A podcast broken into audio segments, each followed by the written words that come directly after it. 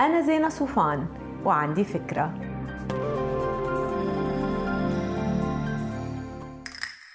هاي انتبه. ما فيك تروح على مقابلة وانت ما بتعرف شو رح تجاوب لما يسألوك عن توقعاتك للراتب. الجواب ما بعرف مش منيح والجواب اللي بيعطي رقم محدد كمان جواب مش منيح. طيب شو هو الجواب الكويس؟ أول شيء وقبل ما تفكر بكيف رح ترد على سؤال الراتب وقبل ما تروح على المقابلة أصلا لازم تعرف هاي الوظيفة بهاي الشركة قد إيه بتدفع أو يمكن هاي الوظيفة بالشركات المماثلة قد إيه شوية استقصاء رح يخلوك تعرف. يعني مش رح تطلع برقم محدد وإنما بنطاق لأنه نفس الوظيفة مرتبة شي لحدا مبتدئ وشي تاني لحدا عنده خبرة سنتين وشي تالت لحدا عنده خبرة عشر سنين. ولما توصل لهيدا النطاق أو الرين شوف أنت وين على السلم.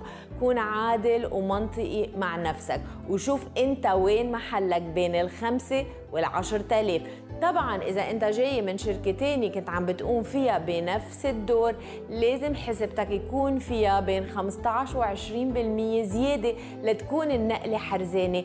إذا الأمور التانية كلها متساوية. وهون بقصد الحوافز والبنفيت يعني إذا في شركة بتعطي تأمين صحي أفضل أو يمكن أقساط مدارس أو إجازات أطول. هيدي أشياء لازم تحطها باعتبارك لأنه حقها مصاري بالفعل. طيب عرفت انت وين وقد بدك. إيه لما يسألوك بالمقابلة ما تقلن. أو على الأقل حاول تهرب من الإجابة أول مرة بطريقة لبقة لأنه الأفضل الطرح يجي من عندهم في جواب كتير مناسب بهالحالة بيكون كالتالي. أنا مرن بالموضوع المادي المهم عندي إنه العرض يكون منصف ومناسب لمهاراتي ولخبرتي وإنه يكون بحط بالاعتبار إني ولمدة ثلاث سنين كنت عم بتجاوز مستهدف المبيعات اللي حاطت لي شركتي أو يمكن آه إني أنا بآخر سنتين أخذت عدة جوائز داخل هاي الشركة بسبب تميز عملي أو شيء من هالقبيل. وبالآخر إنه أنا متحمس ناقش العرض اللي رح تقدموا لي إياه بمجرد ما نتفق على كافة جوانب العمل. وهيك الكرة بتصير بملعبهم وبيصيروا حريصين إنهم يقدموا أفضل ما عندهم إذا أنت عاجبهم بالفعل. بس إذا السؤال تكرر بيكون لازم تعطي جواب أدق.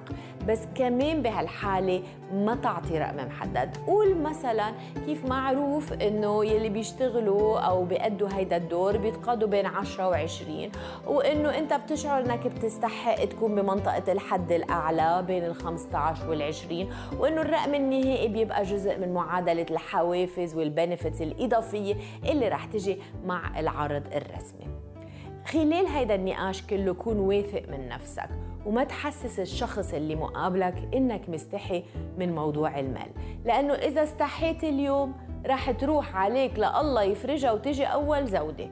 بس بنفس الوقت ما تكون متعالي.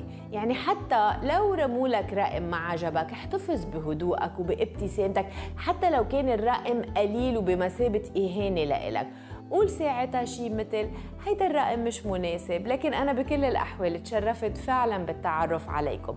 وفي حال كان قابل للمراجعة رح كون سعيد أتناقش معكم بتفاصيل أي عرض مكتوب بيوصلني منكم.